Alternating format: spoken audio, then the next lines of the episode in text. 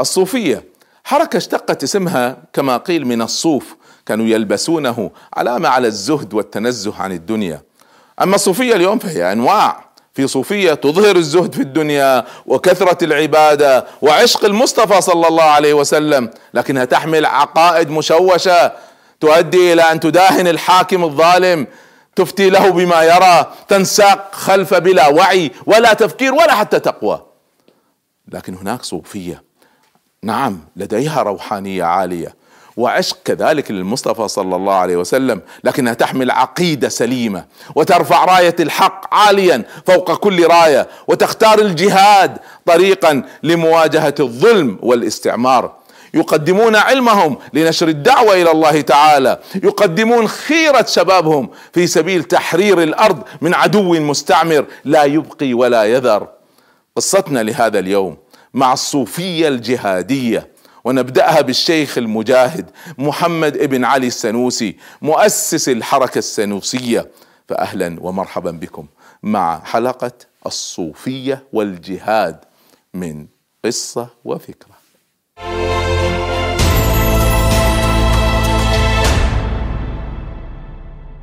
السنوسيه دعوة إسلامية ظهرت في ليبيا وعمت مراكزها الدينية شمال أفريقيا والسودان والصومال ومكة المكرمة وبعض بلاد الإسلام الأخرى.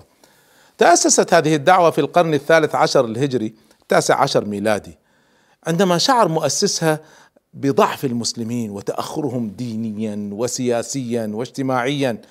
وفي وقت انتشرت فيه الكثير من حركات الصوفية المبتدعة الخارجة عن جادة الصواب التي خدرت الأمة وخدرت الدين فأراد أن يعدل كل هذا بطرح جديد ووعي فريد. مؤسسها هو الشيخ محمد بن علي السنوسي الذي ولد في عام 1202 هجرية الموافق 1787 ميلادية. ولد في الجزائر ونشأ في بيت علم وتقى وعرف منذ صغره آه، العلم وعرف بحبه للعلم وبمخالطة الصالحين. توفي والده وهو صغير جدا كان عمره سنتين فقط. فتكفلت بتربيته عمته فاطمة وكانت يعني يصفون يقولون من فضليات آه، أهل الأرض في في زمانها. صلاح وتقوى وعلم. فربته على ذلك وسارت به في طريق العلم. ومنذ أيامه الأولى تتلمذ على عدد من شيوخ بلدته حتى أتم حفظ كتاب الله تعالى برواياته السبع. وعندما بلغ سن الرشد كانت كان قد ختم كتاب الله تعالى بكل هذه الروايات. وتطلعت نفسه إلى اكتساب المزيد من العلوم. فرحل رحل إلى فاس بالمغرب وهي مركز العلماء آنذاك واليوم أيضا. وهناك في فاس تابع دراسته في آه، جامعة مسجد القرويين الشهير هناك. وتلقى العلم على يد مشايخ فاس لمدة سبع سنوات تأسس العلم الاصولي عنده في فاس. واتجه هناك في فاس إلى التصوف الحق الذي ليس فيه انحراف تصوف سني بدون آه، آه، يعني عقيدة فاسدة ولا شعوذات ولا غيرها لكن تصوف بمعنى الروحانية. وهناك مع هذه الروحانية الشديدة من جهة والسلوك المستقيم من جهة بدأ الناس يتعرفون عليه. أعجبوا بمنهجه بعلمه باستقامته حتى صار مدرسا بالجامع الكبير بفاس. ومن فاس اتجه إلى جنوب الجزائر مدرسا واعظا وأيضا طلب العلم على يد علماء الجزائر فأخذ منهم العلم الشرعي.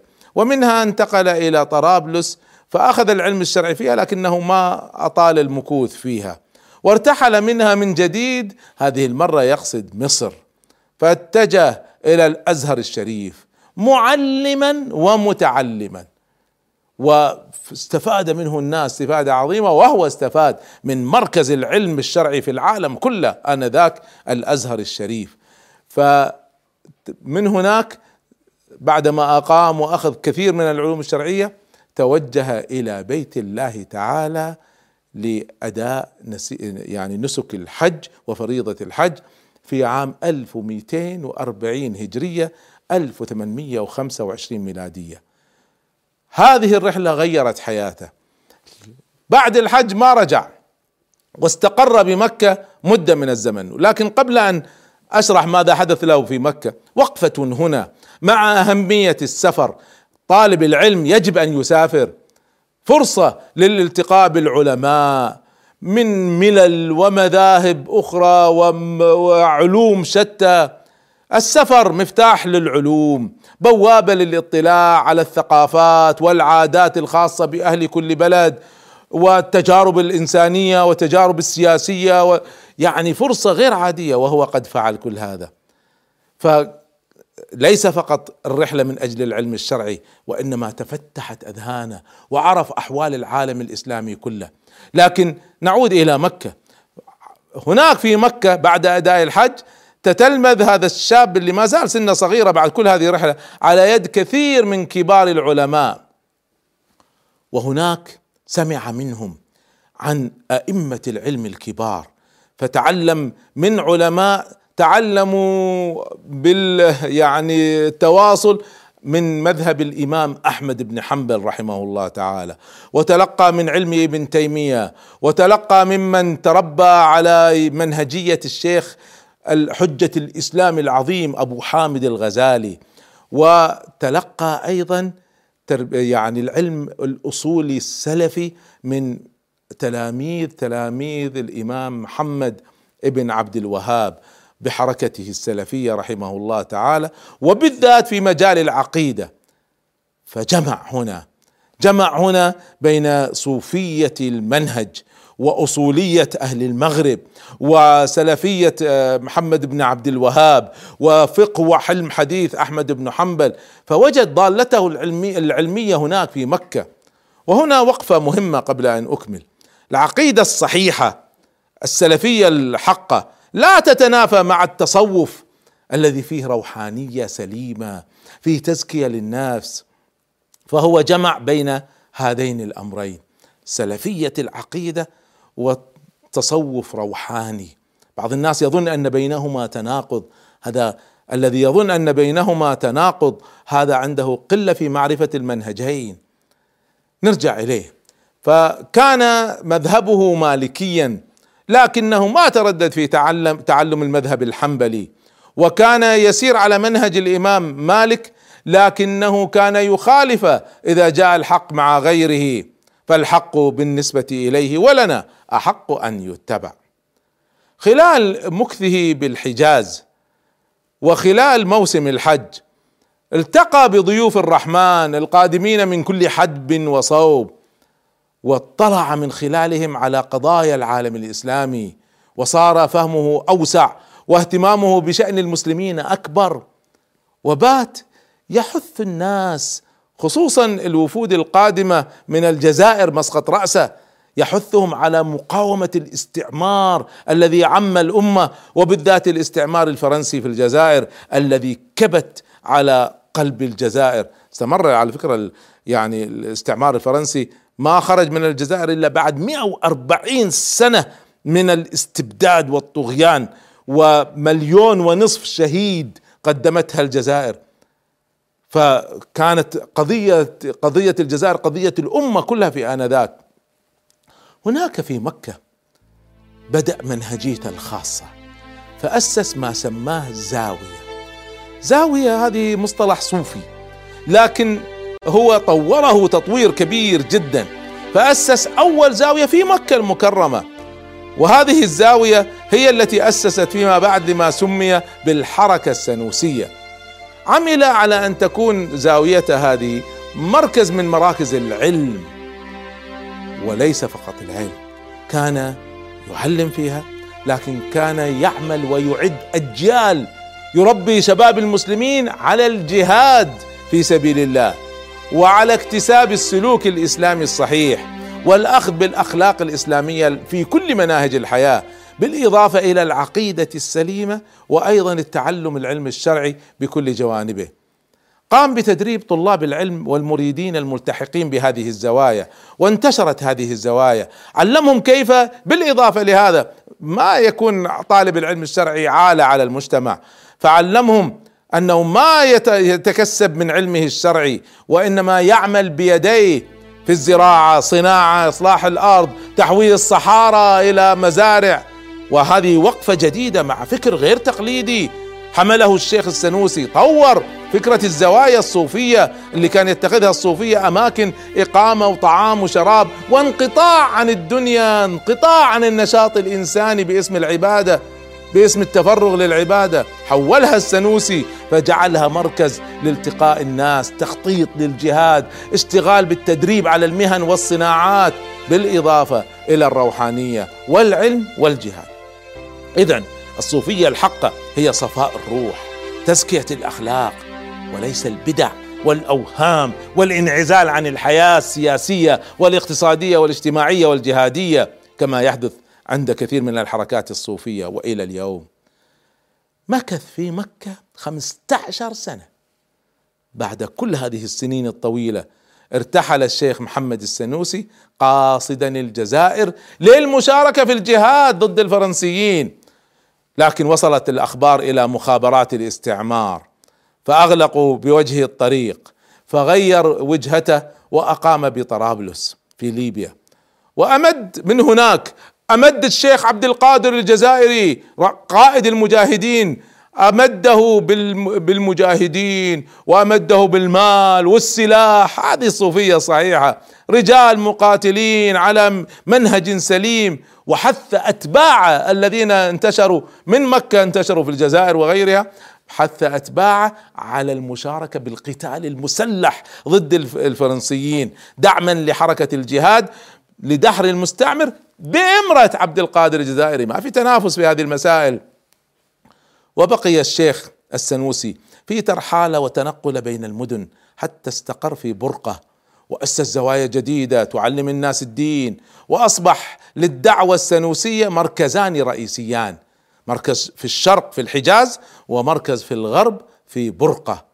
وكان حريص على أن يبني الزوايا التي يبنيها في أماكن استراتيجية التقاء طرق ليستفيد منها في تدريس الناس العلم والالتقاء بأتباعه وأحبابه كما هو حال الصوفية وأيضا لتكون هذه مراكز حصن منيع جهادي على المحتل يقطع طرق على المحتل وجمع التصوف بالجهاد في كل زاوية أنشأها هو وأتباعه بليبيا وكانت البيضاء أول زاوية بنيت للصوفية السنوسية خارج الحجاز. رأى الشيخ السنوسي أن هذا هو الأسلوب الفعال لأجل دحر الاستعمار وفي نفس الوقت كانت الدولة العثمانية طبعا تعرفون هي دولة الخلافة فما صادمها بل حاول مناصرتها لكنه ما ناصر أي ظلم يفعله ولاتها أو حتى بعض سلاطينها. رزق الشيخ السنوسي بوليدين هما محمد المهدي ومحمد الشريف ورباهما على ما تربى عليه. فاجتهد كوالدهما طلب العلم ونشر الدعوة والتربية الجهادية. ثم عاد السنوسي إلى الحجاز من جديد مكث فيها ثمان سنوات. ينشر العلم لقبائل الحجاز عبر نفس المنهجية. زوايا أسسها. جلبت له طبعا عداء بعض الناس اللي ضد الجهاد أو ضد التصوف. فللأسف بعض العلماء المغايرين لمنهجه صوفي واجتهادي وجهادي لكنه ما عبأ بذلك واستمر. ومرت الأيام والسنين ويغادر الحجاز من جديد ليذهب ليحرك الجهاد مرة أخرى. لكنه لما وصل ليبيا توفي فيها في عام 1859 ميلادي. فاجتمع كبار العلماء والشيوخ من الصوفية المنتسبين للحركة السنوسية واتفقوا على مبايعة ابن الأكبر محمد المهدي الذي كان عالما وحافظا لكتاب الله تعالى. محمد المهدي السنوسي اهتم بنشر الدعوة بين القبائل وحدهم وحد القبائل. وحد صفوفهم لقتال الفرنسيين واستمر المنهج هذا في ذريته وأولاده والسنوسية استمرت تجاهد إلى أن آه، استقلت الجزائر في 1962 نرجع. اذا الليبيون والجزائريون والمسلم يعني السنوسيون بشكل عام ارتبطوا بفكرة الوحدة الإسلامية الجامعة الإسلامية التي دعا إليها السلطان العثماني عبد الحميد الثاني. ونشطت الحركة السنوسية في هذا الاتجاه ونشطت في إعداد أتباعها للجهاد واستمروا بالقتال. واتجه قائدهم محمد المهدي ابن السنوسي المؤسس إلى منطقة برقة في برقه في السودان الغربي. ومن هناك بدأ يحرك انظروا مواجهة الاستعمار الفرنسي الذي توجه إلى تشاد بحيرة تشاد. ودارت هناك معركة حامية بين المجاهدين السنوسيين والفرنسيين. واشتد المرض بمحمد المهدي في أثناء هذه المعركة حتى لقى وجه ربه في 1902 ميلادي. تولى قيادة هذه الحركة المباركة أحمد الشريف ابن أخيه محمد الشريف اللي كان قد لقى ربه قبله بفترة. أحمد الشريف السنوسي. أيضا حافظ لكتاب الله مبكرا. رافق عم محمد المهدي في جهاده في ترحاله.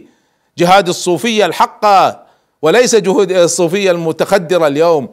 ودور أحمد الشريف حفيد الشيخ السنوسي والشيخ البطل عمر المختار رئيسي في قصة السنوسية. أحدثكم عنه بعد الفاصل إن شاء الله.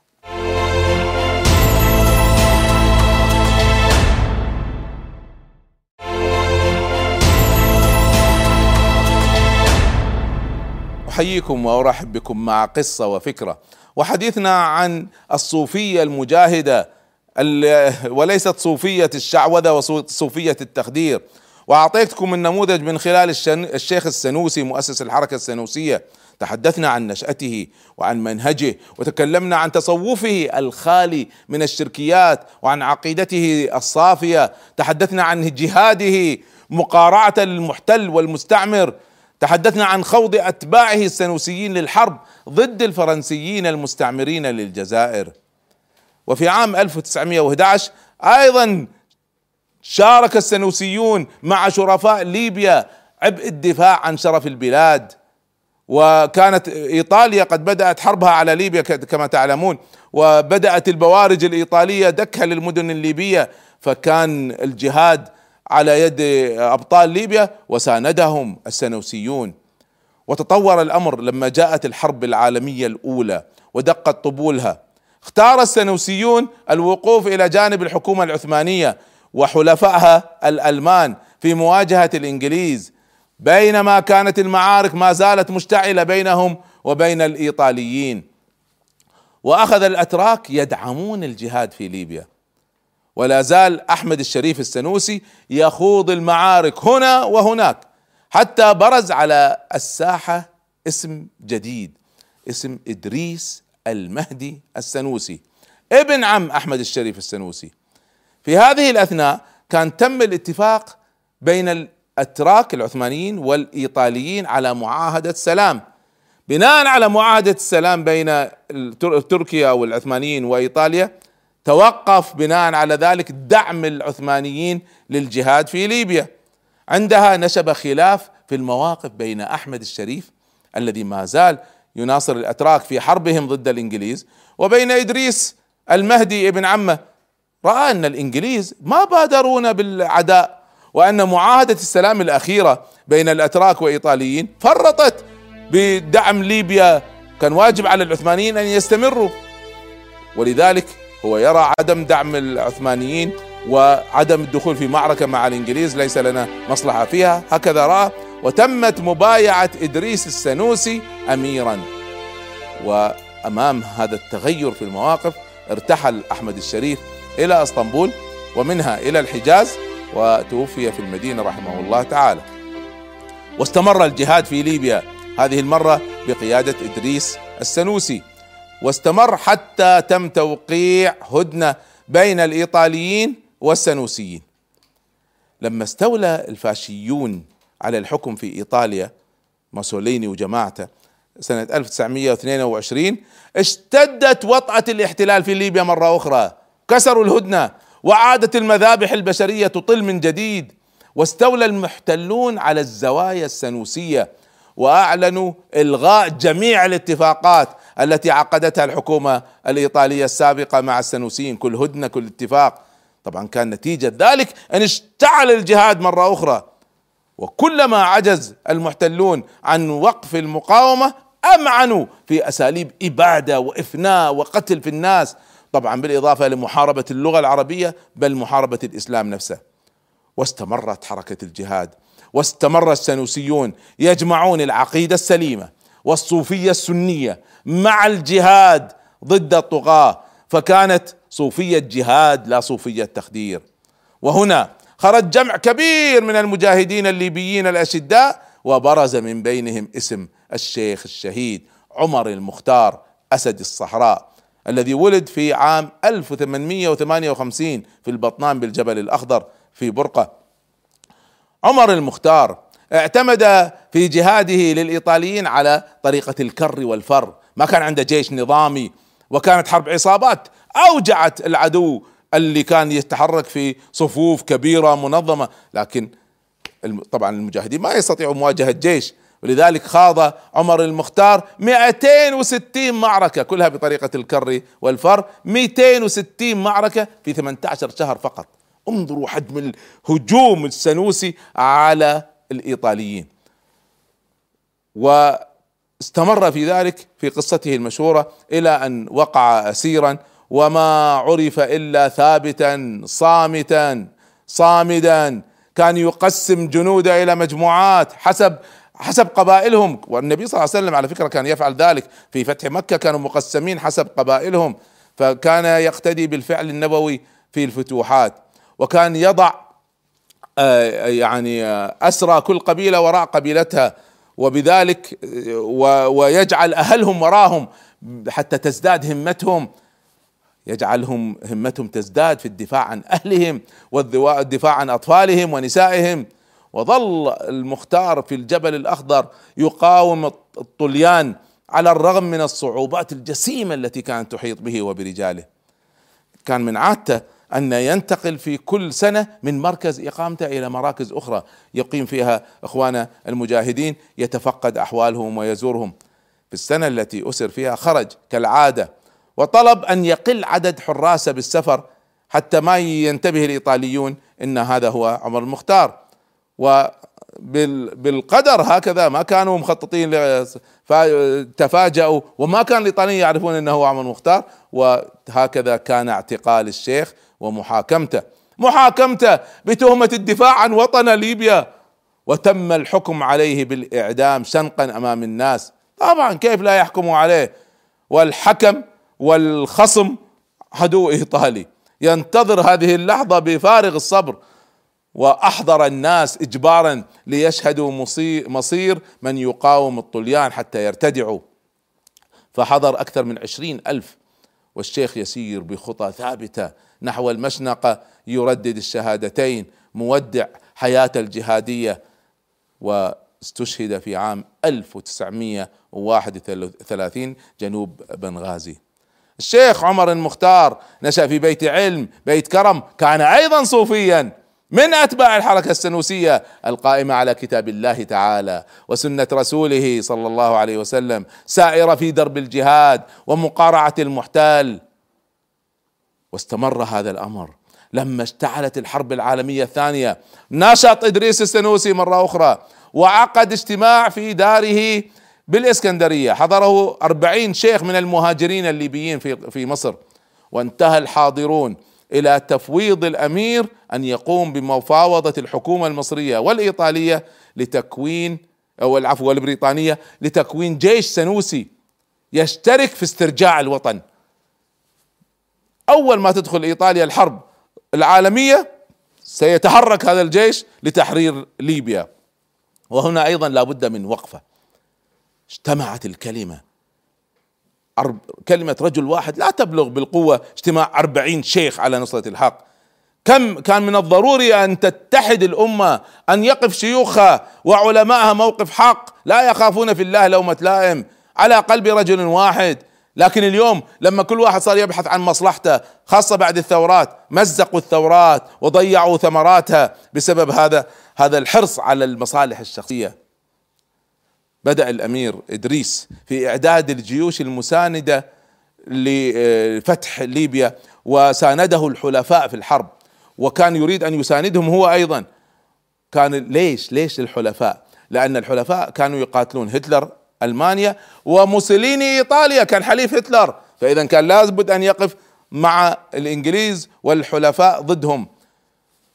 لما انتهت الحرب وانتهت بهزيمة ألمانيا وهزيمة إيطاليا تحت هذه الهزائم خرجت إيطاليا من ليبيا وفورا عاد السنوسي من مصر إلى ليبيا في 1944 واستقبله الشعب في برقه استقبالا حافلا وفي 1946 اعترفت إيطاليا باستقلال ليبيا وبحكم الأمير إدريس السنوسي لها وبات الأمير ملكا على ليبيا التي بدأت تستنشق عليل الحرية من جديد.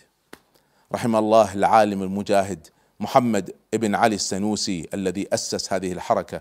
ورحم الله أتباعه ورحم الله الشيخ عمر المختار أسد ليبيا الذي وسد الصحراء. ومن معه ومن سار على درب الحق والعلم والصوفية المجاهدة التي تجمع بين الروحانية الجميلة وبين العقيدة الصافية وبين الجهاد الذي لا يقبل ذل ولا يرضى باحتلال أو عدوان.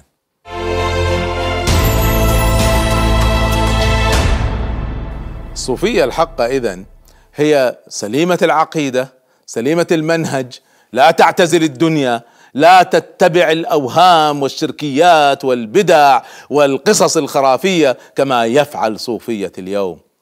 صوفية الحقه تعرف أن الآخرة خير من الدنيا. ولا تتردد في الجهاد ضد المحتل ولا تتردد في الوقوف ضد الطغاة ولا تقف معهم كما يفعل صوفية اليوم.